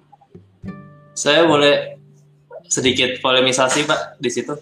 Jadi mungkin yang akan muncul tersirat kan, lah jadi kok agama kesannya hanya untuk bertahan biar agamanya ada, ketimbang mempertahankan dasar kebenaran yang dimiliki. Apakah tersirat statement bahwa untuk kebenaran itu bisa bertahan, mau nggak mau dia harus beradaptasi sesuai dengan zaman. Nah, tapi kan ini untuk beberapa orang aku tahu spiritnya jadi kebalik. Harusnya kan justru untuk dia bisa berdiri teguh dia harus bertahan di dalam kemurniannya yang tak akan lekang dimakan jam. Bagaimana menurut Pak Fitz? Ya itu menurut saya sih eh, kita hanya bisa tetap orisinil kalau kita tetap mengubah diri kita gitu ya.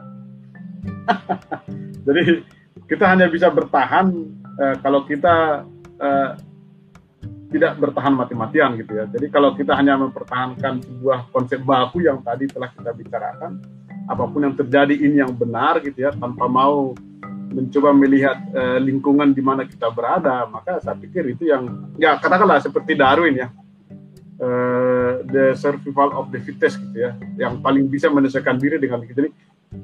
Ya ajaran agama juga kan uh, berkembang ya Artinya munculnya interpretasi-interpretasi baru ya.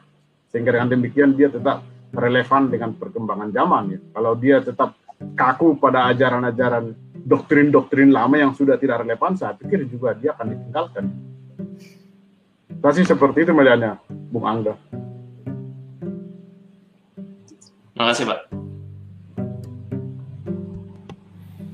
Tapi kalau menurut Pak Fis sendiri ada, maksudnya kan ya kalau dibilang kita mengikuti zaman kan memang harus beradaptasi tapi kan uh, ada nggak sih kayak apa nilai-nilai dari agama yang memang nggak bisa diganggu gugat gitu yang tadi Angga bilang kayak berdiri teguh jadi ya memang ada seperti kata Pak Fis doktrin-doktrin yang nggak nggak core gitu ya yang bisa diubah gitu tapi ada nggak sih yang sesuatu yang memang harus dipegang teguh begitu saya yakin ada ya. Jadi baik itu juga menjadi pertanyaan dalam dialog antar iman ya atau antar agama ya. Ada hal-hal yang tidak bisa didialogkan, ada hal-hal yang bisa didialogkan gitu ya. Saya pikir juga seperti itu dengan core dari inti agama ya. Ada hal yang bisa diinterpretasikan ulang ya sesuai dengan konteks zamannya, tapi juga ada hal yang tetap baku sebagai fondasi ya. Apa itu yang baku sebagai fondasi itu saya serahkan kepada rekan-rekan teolog untuk uh, merumuskannya atau mengatakannya, tapi itu hanya pemikiran rasional saya saja gitu ya.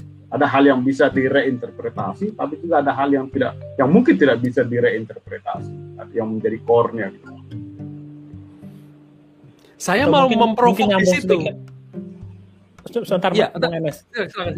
Mungkin uh, refleksi terhadap yang baku itu yang bisa berubah gitu ya. Ada yang memang tidak bisa berubah gitu.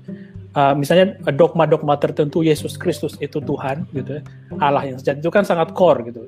Uh, tidak bisa uh, uh, uh, uh, berubah dari kekristenan karena masalah trinitas dan seterusnya. Tapi refleksi terhadap itu itu bisa berubah uh, uh, refleksi yang menjawab kebutuhan uh, saman makna dari ketuhanan atau kealahan Kristus itu bagi konteks misalnya uh, ekonomi misalnya apa gitu. Itu kan bisa berubah. Itu saja. Saya mau memprovok di situ malah justru uh, problemnya adalah siapa yang menentukan yang berubah dan siapa yang menentukan tidak berubah. Ini saya ngomong begini pendeta ya ini saya pakai beginian deh. Tadi saya sudah lepas ini soalnya beginian saya. Uh, uh, nanti dianggap tidak Kristen, nanti dianggap tidak pendeta, nanti pendeta kok sesat begitu kan. Um, maksud saya adalah justru kita uh, harus berpikir lebih lanjut mengenai masalah uh, siapa yang menentukan core itu berubah dan uh, uh, refleksi terhadap uh, uh, yang core itu yang boleh berubah sementara yang core itu sendiri tidak berubah. Karl Rahner pada tahun 60-an dia menulis dua artikel mengenai uh, Chalcedon, uh, konsili Chalcedon mengenai Yesus Kristus. Sebenarnya inti uh, dari tulisan Rahner yang jelimet itu kan begini. Chalcedon itu akhir atau awal. Chalcedon itu memungkasi diskusi atau memulai diskusi. Begitu. Dengan kata lain, kalau ini sparking something uh, diskusi yang baru itu kan berarti akan akan melembabkan banyak sekali diskusi-diskusi seputar kristologi. Tetapi ketika kita membuka itu uh, diskusi-diskusi seputar kristologi, nanti pada akhirnya kembalinya adalah kristologi yang core itu yang mana? Begitu. Dan apakah kenyataannya tidak begitu? Ini saya provokasi ya, ini saya provokasi. Um, Lalu, apa yang tadi dikatakan oleh Pak Fitz mengenai um, agama yang yang terus berevolusi, pada hakikatnya saya setuju dengan uh, mengingat apa yang dikatakan Paul Tillich juga, Pak. Paul Tillich. Karena Paul Tillich itu kan uh, membuat rumusan mengenai the Protestant principle.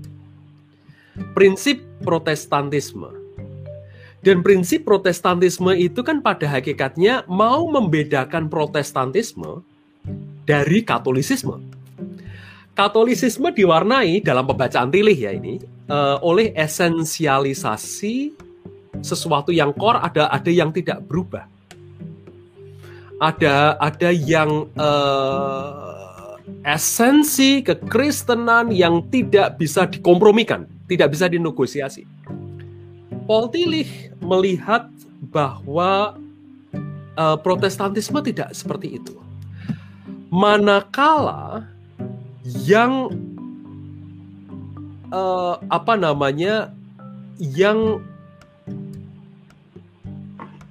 non esensial itu uh, jadi ini prinsip Protestantisme adalah dia menentang non dia menentang esensialisme dan ketika Protestantisme mau mengesensialisasi sesuatu, Protestantisme akan segera melesat dan mengkritik dirinya sendiri. Nah, saya membaca di sini ada unsur Hegeliannya di dipilih.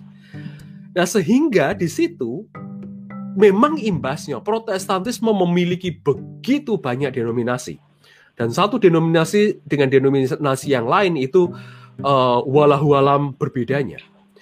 Tetapi bukankah di situ justru pro, uh, uh, esensi dari Protestantisme yang memang menolak esensialisasi, menolak ada satu hal yang esens di dalam Protestantisme.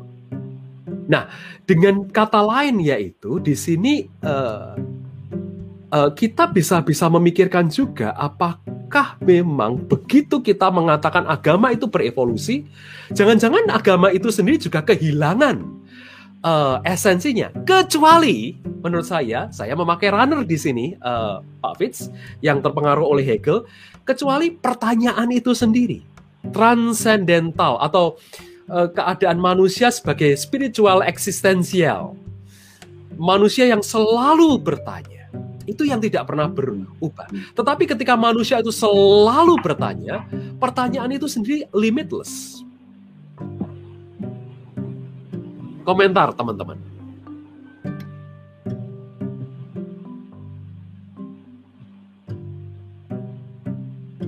Tapi kan mungkin uh, maksudnya gimana ya? Uh, aku aku sendiri kan oh, juga lebih marah ke situ ya. Pertanyaanku, pertanyaan ya, pertanyaannya itu sejauh mana kekristenan beradaptasi dan sejauh mana ketika dia beradaptasi dia masih bisa disebut Kristen misalnya.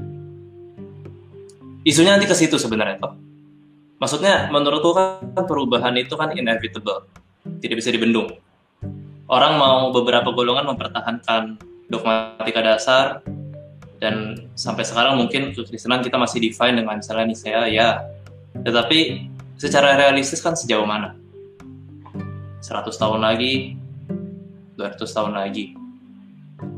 Beberapa orang kan udah ada pembacaan misalnya kayak oh yes uh, eskatologi itu melalui transhumanisme misalnya. Atau uh, tidak ada kematian tubuh tetapi kita tergantung di dalam memori kosmos misalnya. Isunya kan sebenarnya nanti isu identitas.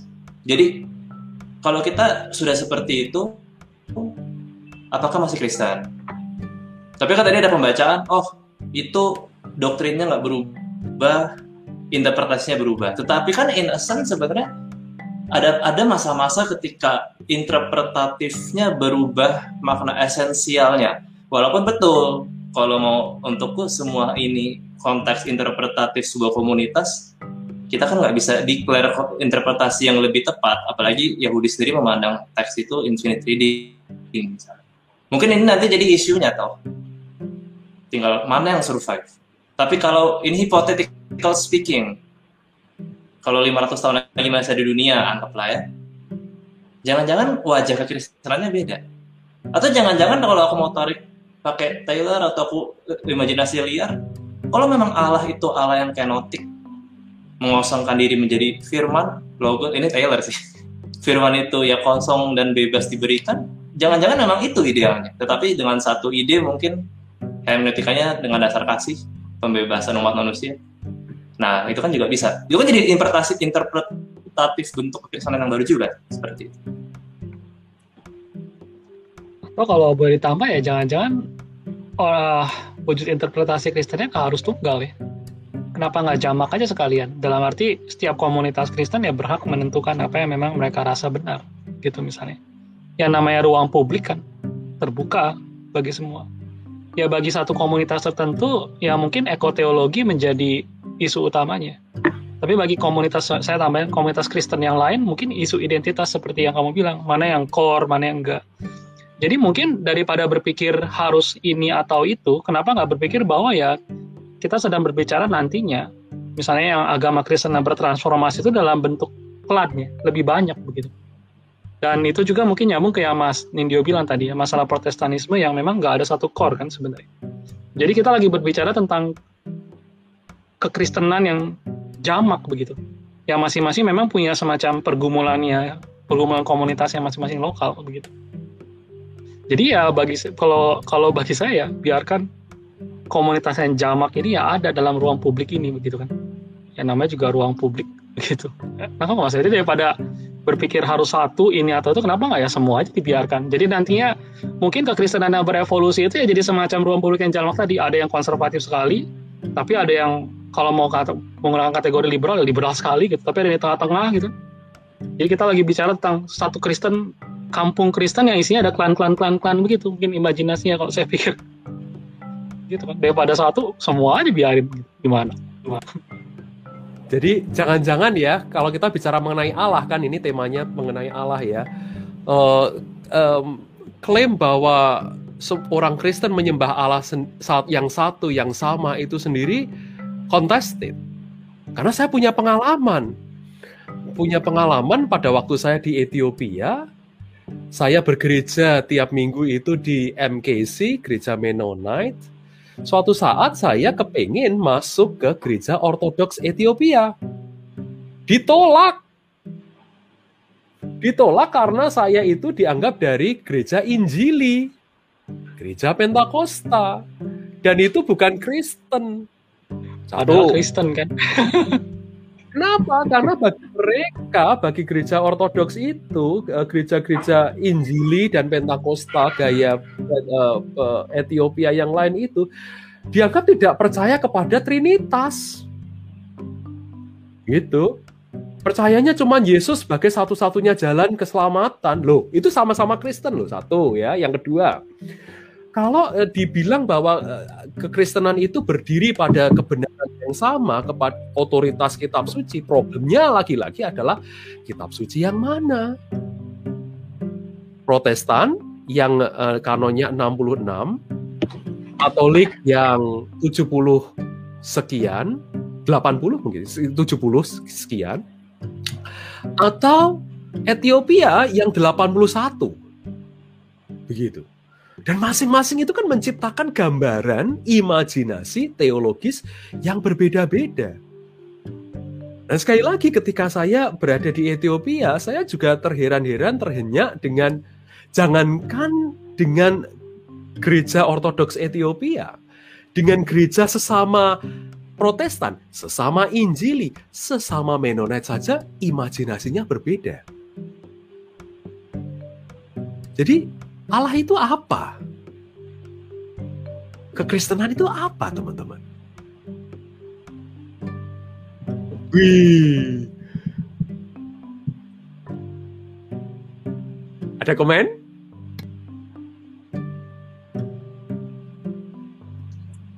Menarik. Itu Pak. saya, ingin- saya- saya ingin men- mendengar para teolog ini menanggapi hal itu.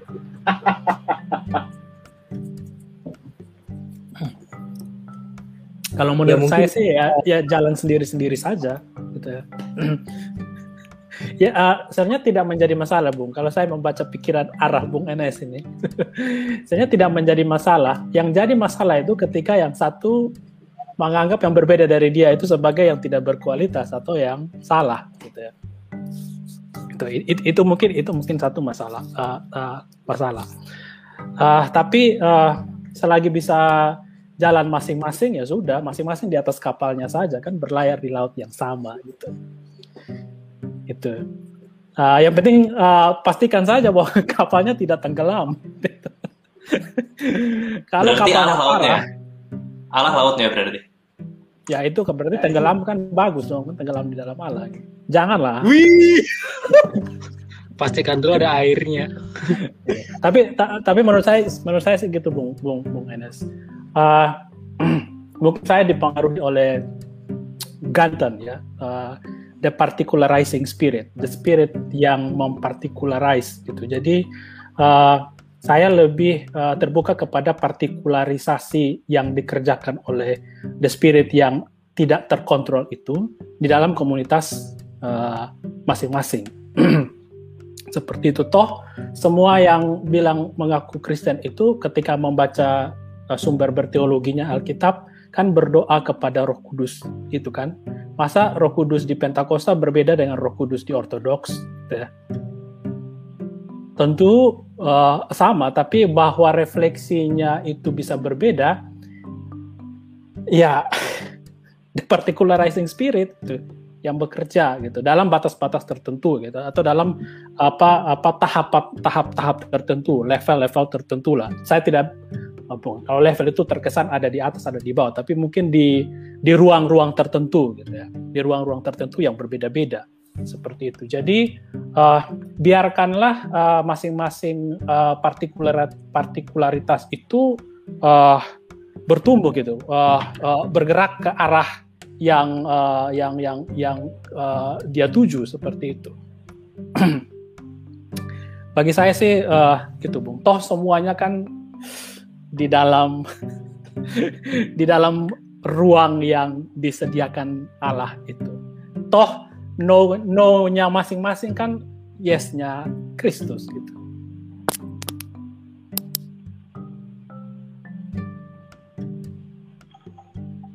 Tapi kalau menurut saya sendiri sih, eh, maksudnya kalau misalkan kita menerima ada core value juga kan sebetulnya nggak harus menjadi alasan di mana kita menolak pandangan lain juga kan. Maksudnya kan, eh, misalkan tadi Bung NS ditolak masuk itu karena eh, apa namanya mereka tidak mempercayai Trinitas kan sebenarnya kan nggak harus begitu juga gitu. Kalaupun kita, maksudnya ya ada pandangan yang berbeda-beda, bukan berarti kita tidak memiliki core value itu sendiri gitu kan. Soalnya kan apa rada bingung juga kan terutama untuk misalkan uh, jemaat begitu kan. Terutama mungkin di Indonesia begitu kan yang masih butuh kalau istilah Bung Samuel tadi kan pegangan ya. Tapi kalau menurut saya mungkin belum bisa belum bisa melewati yang namanya era era sekularisme aja belum masuk gitu kan apalagi post sekularisme yang sudah masuk ke dalam dekonstruksi tadi begitu kan nah jadi kan memang alangkah baiknya ada core value tapi tetap kayak menghargai adanya perbedaan satu sama lain begitu. Gimana tanggapan teman-teman? Mungkin maksudnya satu kampung banyak klan. iya Ci, maksudnya setiap bukan yang nggak ada maksudku sih kalau aku ngeriset kalau kita benar-benar mau di center segalanya mustahil juga kan jadi chaos. Tetapi mungkin setiap komunitas punya center value-nya sendiri. Nah, isunya kan tapi ketika kita apalagi agama ya uh, uh, dan political speaking ada perubahan center yang lumayan mayor misalnya misalnya di di ranah trinitasnya kristologinya berubah nah itu nanti isunya mana yang bisa klaim Kristen gitu kalau Yosef kan kita awal ya semuanya Kristen nggak apa-apa. Cuma kan jadinya agak lucu juga ketika kita bilang semuanya Kristen nggak apa-apa dasar pemersatu kalau kita kan mungkin ini kan jadi kayak seakan-akan untuk mengklaim kekristenan itu core value ini konfesional banget kan. Mungkin harus ada opsi lain juga makanya tuh, untuk bisa klaim identitasnya.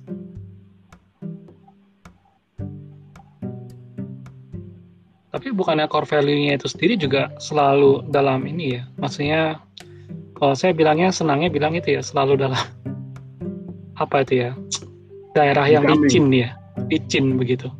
Dalam arti katakanlah masalah Tritunggal ya, atau katakanlah ya masalah Kalsedon lah. Itu kan bilangnya Yesus itu 100% manusia, 100% Allah begitu kan. Ketika kita ini kan dua-duanya nggak ada batasan kan, cuman cuman satu pengakuan ini batasan yang terluas begitu. Tapi kalau misalnya dia dia sepenuhnya manusia, sepenuhnya Allah gitu kan. Tapi begitu begitu mulai dili, mulai ada pro, maksudnya udah mulai nggak seimbang kan, mulai ada sedikit lebih menekankan kemanusiaannya kan bisa-bisa jatuhnya ke yang katanya Nestorianisme misalkan begitu yang disebut bidat. Tapi satu sisi yang lain kalau ada penekanan sedikit ke keilahiannya itu kan nanti bisa bisa jatuhnya ke ke arah ini, ke arah doketisme. Dan juga kalau hubungannya nggak nggak ditata dengan baik, bisa diafisit misalnya, monofisit. Jadi yang dikatakan ortodoksi itu selalu bisa licin sekali gitu ke arah bidat gitu kan.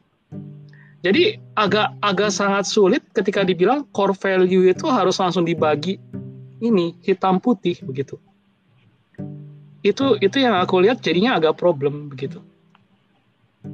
Itu sih. Jadi memang jangan-jangan yang kukhawatirkan begitu, yang sekarang dianggap ortodoksi nanti heresi kan.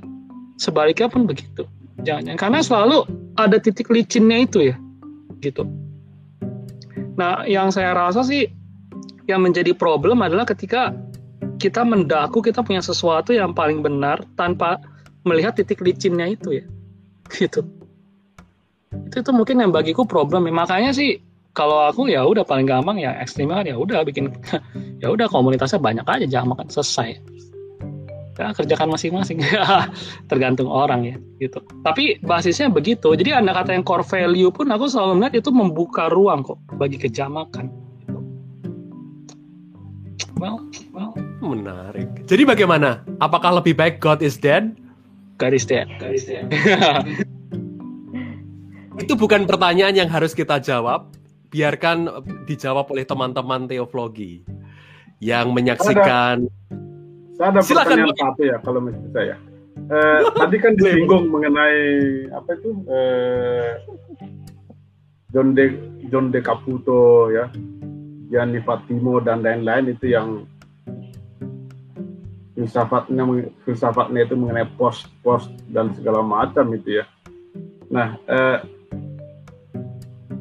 atau eh, gagasan mengenai eh, agama yang tanpa agama dan lain-lain itu ya, yang radikal-radikal. Saya ingin tahu itu bagaimana rekan-rekan para teolog menanggapi itu gagasan-gagasan. Wah jangan di sini Pak, nanti kehilangan pekerjaan Pak kita Pak.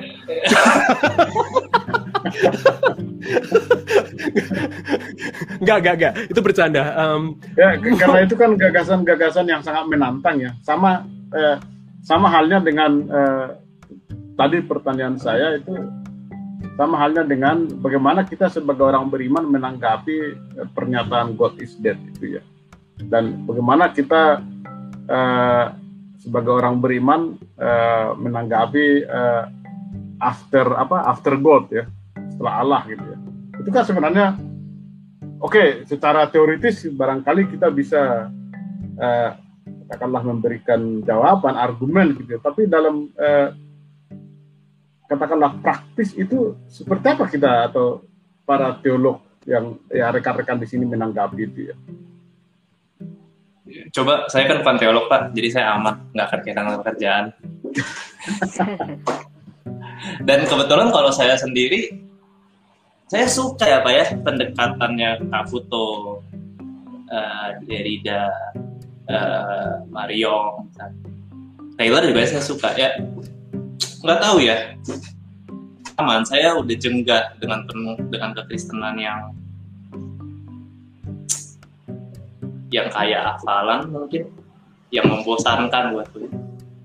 Karena di satu sisi saya admire ya dengan tokoh-tokoh itu yang berani memberikan ya tadi kan kayak di behind the scene Pak Fitz bilang kita harus mengizinkan uh, kemungkinan buat yang tidak terduga nah itu menurutku satu spiritualitas yang hilang mungkin di dalam kenyamanan modern di mana menurutku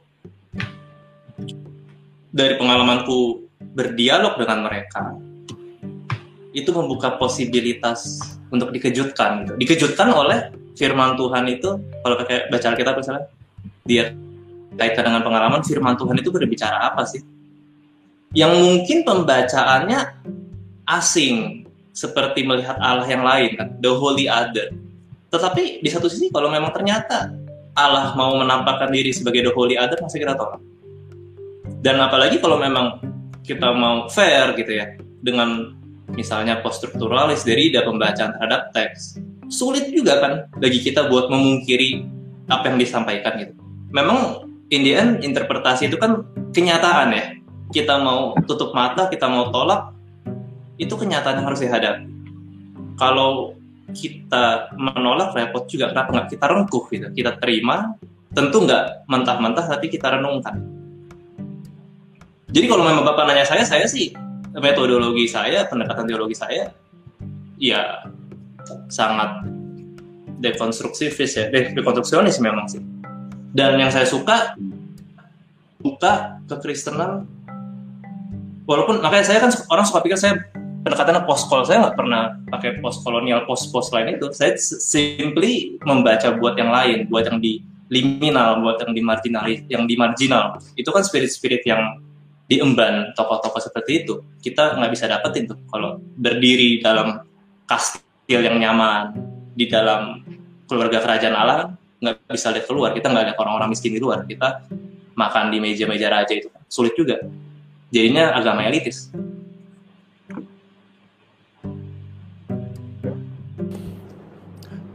Wow, terima kasih. Ini pertanyaan uh, Pak Fitz ini juga provokatif. Eh, bagaimana teolog-teolog itu menyikapi uh, problem God is dead? Uh, dan menurut saya tetap core-nya itu bahwa manusia bertanya dan makin lama pertanyaan itu makin berkembang, makin banyak, apalagi anak-anak muda. Bagi saya, Pak Fitz, um, tetap kita welcome pertanyaan-pertanyaan uh, itu tanpa kemudian harus shutdown dengan dogmatisme kita. Tetapi bagaimana juga para pendeta, para pemimpin gereja tetap be true to their tradition, begitu kan? Tetapi bagaimana melihat tradisi dan gereja denominasi itu sebagai langkah awal, titik start untuk memahami uh, sesuatu, memahami pertanyaan dan berdiskusi dengan uh, uh, pertanyaan tersebut, alih bukan kemudian untuk mengatakan bahwa tradisiku adalah yang paling baik, uh, tradisiku adalah yang paling sempurna. Rasanya waktu ini juga yang membuat uh, kita tepat untuk menutup sesi ini.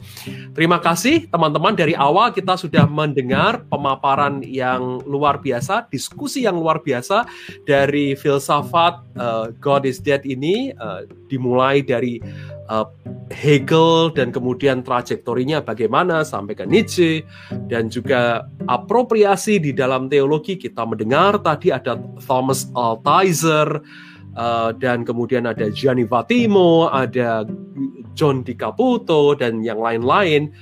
Kompleks sekali percakapan kita ini. Tetapi kiranya tujuan kita di teologi ini adalah percakapan ini memantik kita untuk berpikir lebih keras. Dan membuka pertanyaan lebih banyak lagi. Bukan untuk kemudian kita mengatakan bahwa uh, Allah yang transenden yang menciptakan dunia itu tidak ada lagi. Tetapi mungkin, mungkin dan mungkin eh, konsep-konsep kita mengenai Allah dan mengenai teologi itu suatu saat memang harus mati. Dan dengan demikian, agama dan teologi itu justru berkembang, justru lahir kembali. Dan seperti tadi yang dikatakan oleh Pak Fitz juga, Pak Fitz masih optimis bahwa agama tidak akan pernah musnah, agama akan bertransformasi Mengenai hal ini, bagaimana teman-teman eh, setuju atau tidak, kami serahkan kepada teman-teman semua. Kembali lagi, ini teologi dan prinsip teologi adalah mengetatkan yang longgar dan melonggarkan yang ketat. How do you make sense of it? Silahkan teman-teman semua. Oke, kita cukupkan sampai di sini. Terima kasih semua Pak Fitz, eh, teman-teman uh, semua dan Bung Sam yang baru bergabung juga dengan kita.